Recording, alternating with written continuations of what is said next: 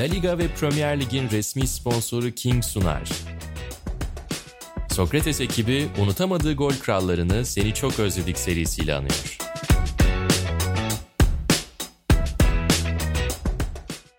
Seni Çok Özledik'in yeni bölümünde bir Güney Amerikalıyı konuşacağız Emre Özcan'la birlikte. Emre Carlos Tevez'i konuşacağız. Carlos Tevez'in özellikle de 2010-2011 sezonunu konuşacağız ki kariyerinde kırılma sezonlarından, en özel sezonlarından ve aynı zamanda da son belki de iyi sezonlarından bir tanesi özellikle de Premier Lig'de. Benim aklıma Carlos Tevez deyince mesela şöyle bir adam geliyor. Golcülüğüne, gücüne, hırsına ya da başarı kazanma kabiliyetine herhangi bir itirazım yok. Fakat adaptasyon konusunda, işte İngilizce öğrenme konusunda, takım arkadaşlarıyla iletişim kurma konusunda hep problem yaşamış ve bunu da en yapmaması gereken ligde hani bu eksiklere sahip olmasına rağmen 7 sezon çıkarmış bir adam geliyor benim aklıma. Sen ne düşünüyorsun Carlos Tevez hakkında? Ben benim de aklıma gördüğüm en komple forvetlerden, en komple santrforlardan hatta oyunculardan belki biri olmasına rağmen benim de böyle aslında içim çok almazdı Tevez'i. Yani şimdi bunu seni çok özledik programında ne kadar e, söylenebilir ne kadar e, ya da söylemek mantıklı emin değilim ama böyle hep bir şey vardı Carlos Tevez'e dair. Bir türlü oturtamıyordun yerine. Sağ dışı da bunun içindedir. Sağ içinde genellikle bu arada iyiydi. Yani hakkını vermek lazım. Çünkü oynadığı her takıma farklı rollerde, farklı pozisyonlarda katkı yapmış bir oyuncuydu. Ama e, yaydığı bir negatif enerji mi? Bunu da söyleyebilirsin. Çünkü e, mesela Tevez'de biraz fazla agresifti. Hmm. E, o agresifliği bazen hem takım arkadaşlarına hem rakibe hem hakeme olumsuz şekilde de yansıyordu. Bu da muhtemelen mesela çok fazla taraftar olmamasının nedenlerinden biridir. Beni de uzun süre kaybetmiş isimlerden biriydi Carlos Tevez. Ben Juventus'la beraber biraz böyle ki kariyerinin hemen hemen son dönemine geliyor. Yani 30 yaş civarı dönemine geliyor. Biraz daha farklı bakmaya başladım ama öncesinde ne olursa olsun e, West Ham'la başlayan sonra United ve City ile devam eden bir 6-7 sezonluk Premier Lig kariyeri var ki e, oralarda da çok acayip işler yaptı tabii. Premier Lig'e girişi West Ham United'da olmuştu ki gayet garip bir şekilde gelmişti. İşte biz e, eskiden mesela 2006-2007'den bahsediyoruz. O dönemde bizim şu ana kadar çok uyuz olduğumuz o menajerler olayı ya da hani üçüncül sahipler, bonservis sahipleri olayı falan çok öyle ön plana çıkmıyordu aslında. E, ama hani öyle gelen oyunculardan biriydi e, Premier Lig'e ki geldiğinde de West Ham United'a geldi. Öyle inanılmaz bir takıma gelmedi baktığımızda. Fakat sonra hemen bir sezon ardından Manchester United'a geçti. Manchester United'dan da o dönemde yeni yapılanan bir City'ye geçti ki biz City tarafına daha ağırlıklı konuşacağız. Mesela City'ye geldiği ve bizim şimdi konuşacağımız 2010-2011 sezonuna bakıyorum ben. City'nin henüz mantıklı bir şekilde yapılanmaktansa paramız var bunu bir şekilde hemen kullanalım sezonları. Çünkü bakıyorsun Carlos Tevez, Mario Balotelli, işte Edin Dzeko, Joe Emmanuel Adebayor. Yani 5 tane forvet ve yani takım daha öyle inanılmaz bir yapıya ulaşmamış. Hatta şey Şampiyonlar Ligi'nde bile değil o sezon e, City. Ve 5 tane böyle forveti olan bir takım. Fakat Carlos Tevez'in mesela bunlar hiçbiri umrunda olmamıştı City döneminde ki biz de zaten toplamda 23 Premier Lig'de de Berbatov'la birlikte gol kralı olarak 20 gol attığı bir sezondan bahsediyoruz. O döneme denk gelmesi sence şanssızlık mı onun için yoksa şans mı? E, tabii şanssızlık abi. Çünkü yani 2008'de almadın mı şey işte City Futbol Grubu 2008'de kuruldu, kuruldu. Abu Dhabi Aynen. grubu 2008'de City aldı diye hatırlıyorum. İlk 3-4 sezonları korkunç. Yani yapılanma, transfer olması. Senin söylediğin çok doğru. Transfer yapmış olmak için transfer yapan bir dönemden bahsediyoruz. Yani orada mesela şimdi Öyle hikayeler var ki oraya girmeyeyim ben. O dönem işte City'nin CEO'su olan Gary Cook geçtiğimiz e, haftalarda birkaç ay önce hatta bir geçtiğimiz haftalar demeyeyim. Birkaç ay önce bir internet sitesine bir röportaj verdi. O City dönemini yani Arapların City aldığı 2-3-4 sezon yaşananları anlatıyor. Öyle hikayeler var ki o kadar komik şeyler var ki yani ne kadar alakasız ne kadar böyle futbol freak olduklarını aslında gösteriyor o dönem için City'nin başındakilerini. Öyle bir ortamda 2009 gibi City'ye transfer olmak tabii ki bir futbolcu için nereden bakarsan bak büyük şanssızlık. E ama hani şuradan da mesela söyleyeyim biraz daha mantıklı bir yapıda Carlos Tevez gibi sezon içi iniş çıkış ya da saha içi iniş çıkış yaşayan mesela işte Carlos Tevez bir Agüero mu? Hani sezona Agüero güveniyle başlatabilir misin Carlos Tevez'i? Sen Yok. E, öyle söyle. Ha. Mesela öyle bir City içerisinde bekleneni veremeyip iyice mental olarak çökebilecek bir Tevez de olabilirdi. O karışıklık içinde ya da beklentiler daha bu kadar zirveye çıkmamışken o da biraz bence şans. Tabii tabii. Ve ne olursa olsun ya oradan da bakabilirsin. Zaten şöyle de bir durum var. City'deki ilk iki sezonunda ligde sadece yani Premier Lig'deki iki toplam sezonu 43 gol atıyor. Aynen. İkisinde de 20'nin üzerine çıkıyor. Yani parçalanmış bir yapı, şey, sayısız hücumcu transferi, sayısız e, forvet transferi, sayısız forvet oyuncusu, santrfor bulunan bir takımda kendisini kabul ettirip direkt formayı alması. Ya hatta şöyle söyleyeyim ben sana. Kaptanlık veriyor ona şey. İkinci sezonunun içinde olması lazım. Roberto Mancini hı hı. o sırada takımın başında. Roberto Mancini onu ikinci sezonun başında yaz döneminde kaptan yapıyor. Dolayısıyla yani farklı şeylerde göstermeyi muhtemelen başarmış kulüp içerisinde. Yani daha doğrusu egemen olmuş. Performansıyla kendisini net bir şekilde kanıtlamış. Farklı profiliyle, kompliliğiyle zaten santrforlar içinde, senin saydığın Bean santrfor içinde formayı almış. Ve kaptanlığa kadar kısa sürede yükselmiş bir oyuncu. Tabii o sezon mesela devamında da şey yapıyor. Ya benim kontratımı arttırın. Ben yani hem gol atıyorum hem kaptan yaptınız beni ben maaşımın artmasını istiyorum vesaire diyor. Kulüp buna karşı çıkıyor enteresan bir şekilde. Sonra transfer olmak istediğini belirtiyor. E, o da zaten yani kaptan olduktan belki de birkaç ay sonra e, yine City ile de arasının açılmasına ve belki de sonrasında işte City kariyerinin çok uzun sürmeden İtalya Serie A'ya Juventus'a geçişini başlatan hadiselerden biri olarak tarihe geçiyor. Bu mesela kırılma anı olarak şey diye düşünebiliriz. Tevez'in yerine gelen bir Agüero ya Tevez'in yerine gelen değil de hani o pozisyona sonuçta gelen bir Agüero'dan bahsedelim. Ve hani Agüero şu anda nasıl bir Premier Lig efsanesi ve City efsanesi. Aslında Tevez mental yapısı biraz daha stabil bir adam olsa Agüero olabilirdi. Yani golcülük dışında tabii olabilirdi. Yok bayrak adamlık olarak diyorum. Çünkü ha. sonuçta İngiliz insanın da çok sevebileceği böyle ne bileyim alevlenme falan gibi özellikleri var ya ondan dolayı dedim. Doğru doğru o, o, o yönden kesinlikle haklısın zaten. Çünkü Agüero da ilk geldiğinde çok daha über bir yetenek olarak dikkat çekiyordu. Yani salt golcü değil de işte oyunun hücum hattında topla beraber hemen hemen her şey yapabilecek bir oyuncu olarak gelmişti. O da sonrasında ya oyun değişti demeyeyim oyunu biraz oturdu ve e, oyuncunun çok büyük bir golcü olduğu aslında ortaya çıktı. Çok büyük bir ceza sahası golcüsü olduğu ortaya çıktı. İşte Guardiola sonrasında onu biraz ceza sahasından dışarı çıkarmaya çalıştı vesaire falan ama genel itibariyle hep uyumlu bir oyuncuydu. City kariyeri boyunca, Premier Lig kariyeri boyunca. O da gerçekten yani yarım bayrak adammış gibi yer almasını sağlayan şeylerden biri ki yani işte Premier Lig tarihinde zaten gelmiş geçmiş en büyük 4-5 santrforundan biri olduğunu hep konuşuyoruz. Performans olarak da böyle. Yarattığı etki itibariyle belki daha da yukarıda hatta.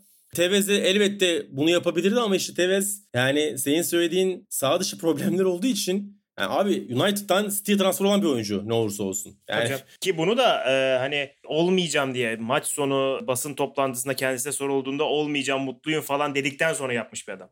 Evet evet. Ama yani tüm bunların yanında da oyuncu gerçekten abi ben benim gördüğüm en komple oyunculardan biriydi.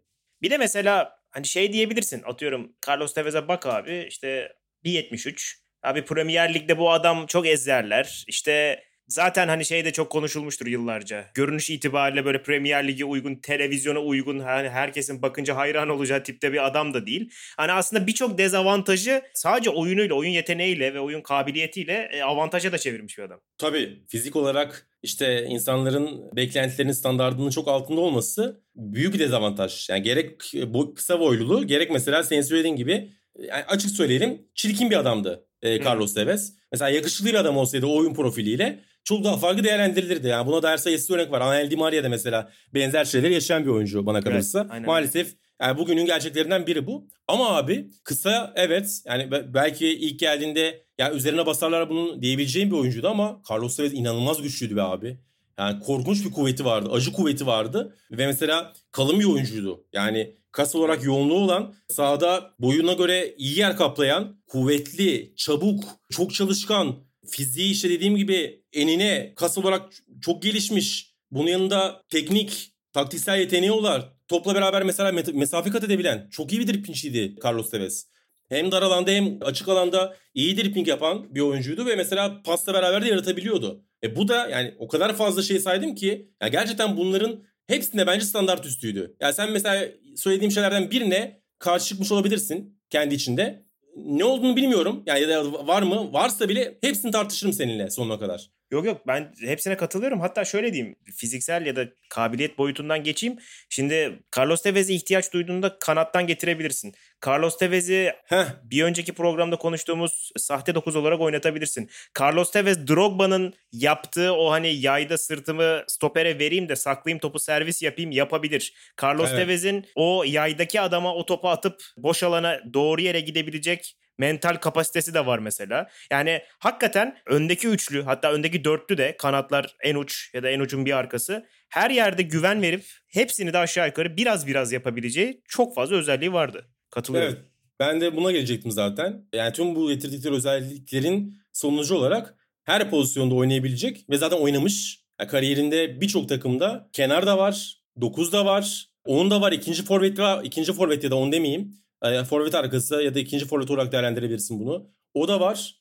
Sahte 9 da var. Mesela şeyde sahte 9 abi. 2007-2008 sezonu olabilir. Chelsea ile final oynadıkları sezon Şampiyonlar Ligi'de 2007-2008 evet 2008 finali. O sezon mesela Tevez genellikle sahte 9 gibi oynuyor. Yanında Rooney 4-4-2 ama Rooney böyle 10 numara gibi abi. Ronaldo bir kenar. Mesela final maçında Owen Hargreaves sağ kenarda çıkıyor. İki orta saha Kerik ve Skoles'la beraber. Tevez'in sürekli derine geldiği, onun derine geldiğinde Rooney'nin arkaya koşu attığı ve özellikle Ronaldo'nun sol kenardan sürekli koşu attığı, boşalttığı alanlara bir yapısı var. Ve finali de mesela öyle kazanıyorlar.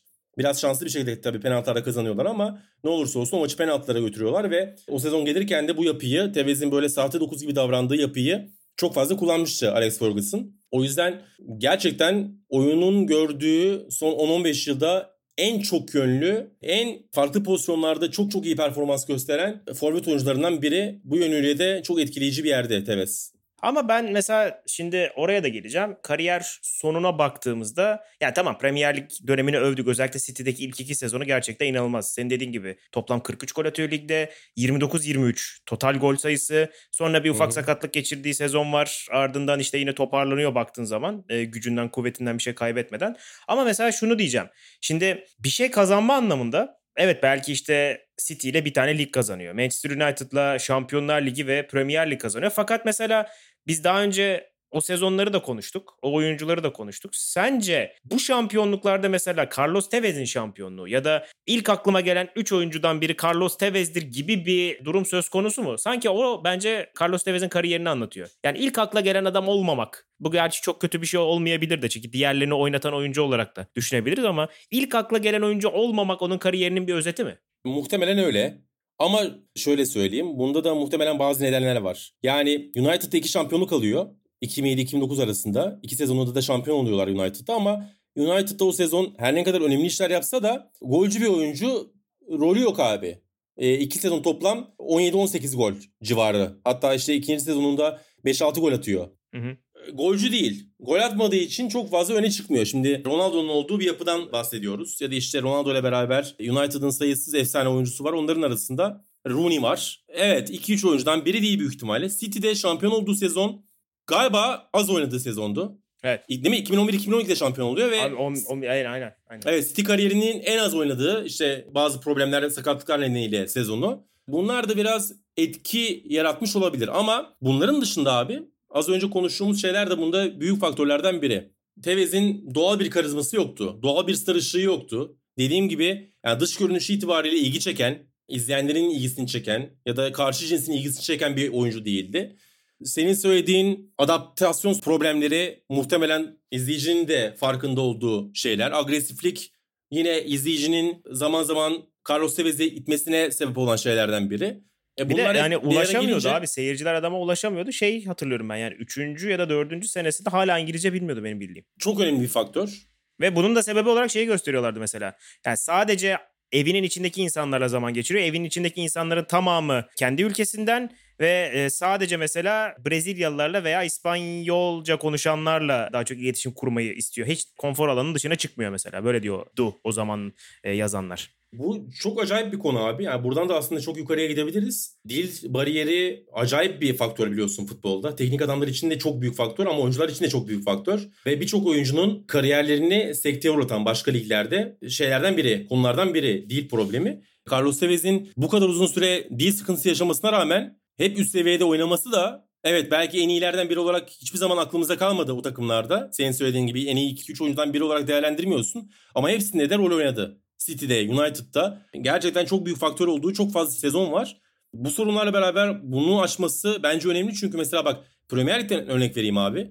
Juan Sebastian Veron'un mesela İngiltere kariyerinin, Premier Lig kariyerinin beklenenin çok altında olmasının en büyük sebeplerinden biri olarak bir problemi gösteriliyor. Keza Andriy Shevchenko. Chelsea'ye transfer olduktan sonra dil sorununu bir türlü çözemediği, bir türlü arkadaşlarıyla iletişime geçemediği, hep yalnız adam olduğu Chelsea içerisinde. O yalnız adamlığının da kendisini saha içinde de zaman zaman yalnızlaştırdığı, hatta Drogba ile iletişim kuramaması nedeniyle Drogba ile uzaklaştığı, Drogba ile beraber çift santrfor oynayacaklar ve aralarında bir çekişme rekabet de var. O sorunların hep etkilediği söylenir. Bak biri son 10-15 yılın en büyük forvetlerinden biri. Biri de İtalya Serie A'da yani dünyanın en iyi orta sahası denilerek belki de United'a transfer olan acayip bir orta saha. Arjantinli Juan Sebastian Veron. Hatta ben onun şeyi hatırlıyorum. Scholes şey diyor. Ben hayatımda böyle bir şey hatırlamıyorum diyor. Juan Sebastian Veron'un ilk geldiği günü hatırlıyorum United tesislerine.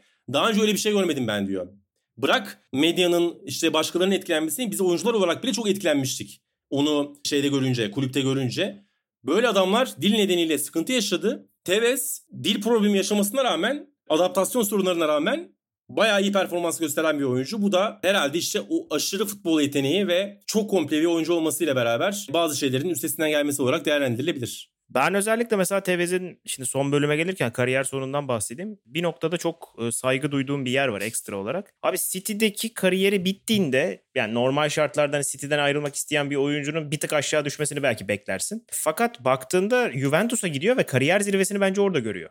Yani Juventus gibi bir yapıdaki o dönemi Juventus'una baktığında hani ya buraya alelade bir oyuncu asla giremez, kendini de asla gösteremez diyeceğim bir halde Juventus o dönemde. Ve sen daha iyi biliyorsun zaten. Abi adam yani 50 gol atıyor 2 senede. Ve gerçekten ligde bunların çoğunu atıyor. İşte hani tırt ne bileyim öyle dördüncü torba Avrupa takımlarına falan da atmıyor. Ya da Kupa İtalya'da falan da atmıyor. Gerçekten inanılmaz bir Serie A performansı var bir de üstüne.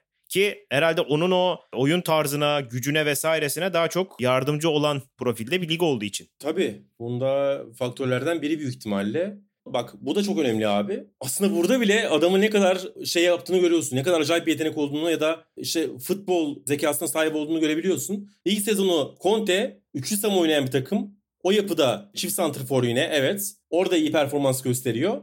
O gidiyor Allegri geliyor takımın sistemini dörtlüğe çeviriyor. Yine çift santrfor ama başka bir şey. Yani hem sistem diziliş farklı ki yani 3-4 sezon boyunca üçlü sam oynamış bir Juventus'ta gelip dörtlü savunmaya dönmek çok kolay bir şey değildir. Bunu oyunculara anlatmak, ikna etmek çok kolay bir şey değildir. Hem de Conte'ye göre Allegri ile beraber biraz daha özgürleşiyor oyuncular sahada. Biraz daha akışkanlaşıyorlar, biraz daha hücum odaklı. Özellikle ilk sezonu.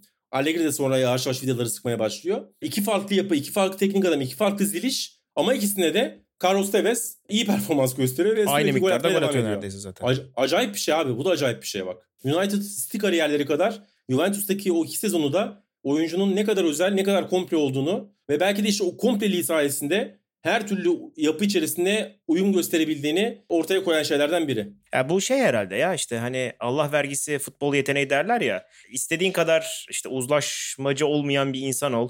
İşte dil öğreneme, e, sosyal problemlerin olsun bilmem ne. Eğer saf bir futbol yeteneğiysen her şeye adapte olabiliyorsun. Dilin futbol oluyor mesela. O Tevez de öyle. Aynen. Bu arada yani Tevez'i ben çok sevmezdim dedim girişte. Hı hı. Ama yani 20 dakikadır sürekli adamı övüyoruz herhalde. Yani adamla alakalı olumsuz bir şey söylemedik saha içinde. Çünkü saha içinde gerçekten olumsuz çok fazla bir şey yoktu abi. Bu kadar komple olup bu kadar bir de fazla gol atabilmek. Gerçekten başka bir şekilde dünyaya gelse Carlos Tevez başka bir paket içinde ambalaj içinde çok daha farklı bir kariyere ve profile sahip olabilirdi. Ki mesela şeyden de bahsedebiliriz biraz son bölümde artık. Milli takımda da 76 maçta 13 golü var. Aslında bir golcü performansı da değil bu baktığımızda ama ben Carlos Tevez'in içinde bulunduğu Arjantin milli takımının stabil bir yapısının olduğunu da hiç görmedim mesela. Yani her zaman böyle aşırı büyük hayal kırıklığı bir takım. İşte çok ciddi sorunları olan bir takım. İşte Tevez'i bir yere koysan başka oyuncuyu çıkarmak zorunda kalıyorsun. Başka bir oyuncuyu koysan Tevez'i çıkarmak zorunda kalıyorsun. Öyle bir takım. Böyle bir takım noktasında da işte 2012-2013'de zaten oynamıyor mesela. Abi çok garip ve talihsiz bir milli takım performansı da var. 76 maç doğru yani e, doğrudur. Ama mesela bunların kaçında ilk 11? Ha bir de o var. Mesela emin değilim ben. Çünkü yani senin söylediğin gibi hem Arjantin milli takımının şanssız dönemi 2005-2006 sonrası yani aslında Lionel Messi ile beraber Arjantin bir türlü istenen performansı ortaya koyamadı. Ama bunun yanında da abi Arjantin neredeyse 10 yıldır hep bütün yüksek standartlı, yüksek profilli oyuncuların santrafor 9 numara işte ya da forvet mevkinde toplandığı savunma ve orta sahada eksiklik gösteren takımlar oldular. Ve işte yani son 10 yılda kimler geldi abi forvet olarak abi, e, Arjantin'e? Tevez'le beraber. Tevez, Agüero ve Messi mesela. Bu dörtlüyü nereye koyacaksın? Tabii. Bunun yanında işte Dybala'sı falan var. Icardi'si vesaire var araya yani giren. Icardi şey var. Biraz daha geri git. Milito'su var. Onu da kullanamadılar. Tabii tabii. Bütün oyuncuların performansını olması gerekenden muhtemelen biraz düşürmüştür bu. Bu oyuncularla beraber sahaya çıktığında da Carlos Tevez çok daha komple bir oyuncu olduğu için muhtemelen teknik adamlar onu biraz daha hazırlayıcı, biraz daha kaleden uzak.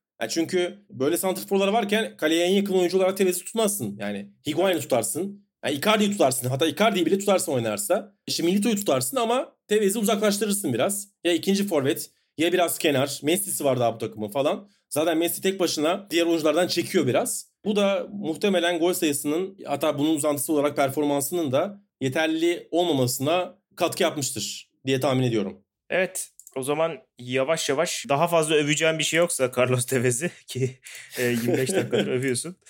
Yavaş yavaş kapatalım. Carlos Tevez şöyle özledik Özellikle ben onu sahada debelenirken görmeyi, debelenirken derken olumsuz anlamda söylemiyorum. Yani toplu ya da topsuz savaşırken görmeyi özlediğim bir oyuncu. Emre Özcan'la beraber Carlos Tevez'i ve Carlos Tevez'in özellikle Manchester City'deki 2010-2011 sezonunu konuştuk. La Liga ve Premier Lig'in resmi sponsoru King'in sponsorluğunda seni çok özledik'in sonuna geldik. Haftaya tekrar görüşeceğiz. Hoşçakalın. Hoşçakalın.